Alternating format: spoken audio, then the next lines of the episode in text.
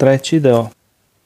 Poslanikovo upozorenje na razne oblike poroka i nedostataka kao i na prezrena i zla dela. Uvod. Uzvišeni Bog nije poslao poslanika Muhammeda mir nad njim samo nekom određenom narodu ili samo na neki određeni prostor, nego ga je poslao svim ljudima kao donosioca radosnih vesti, opominjača, misionara koji poziva Bogu sa njegovom dozvolom i kao svetiljku koja osvetljava put. Poslao ga je da im naređuje dobro i da ih odvraća od zla, da im dozvoli lepe stvari, a zabrani sve ono što nije dobro.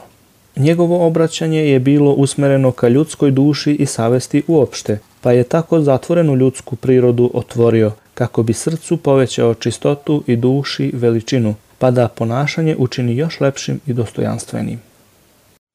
Poslanik mir nad njim je želeo, a to sve naredbom svoga gospodara, da oslobodi čoveka od robovanja neodoljivom materializmu i da se odupre svim onim strastima koji uništavaju moral i lepo ponašanje.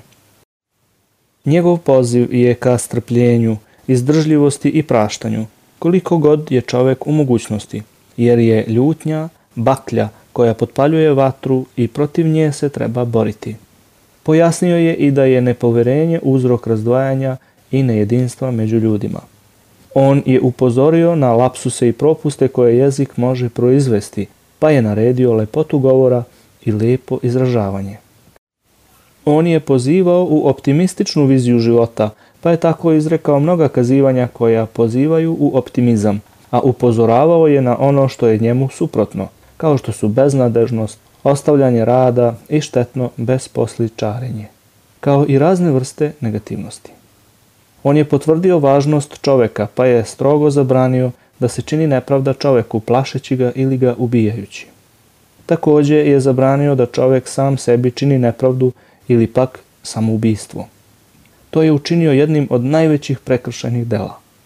Isto tako je njegova misija bila jasno izražena kada je u pitanju obaveza odstranjivanja svih faktora koji proizvode nered u društvu i nered u administraciji i politici.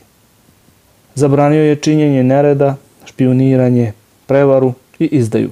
Takođe je upozorio na opasnost korupcije, pa je veoma oštro kritikovao one koji se njome bave.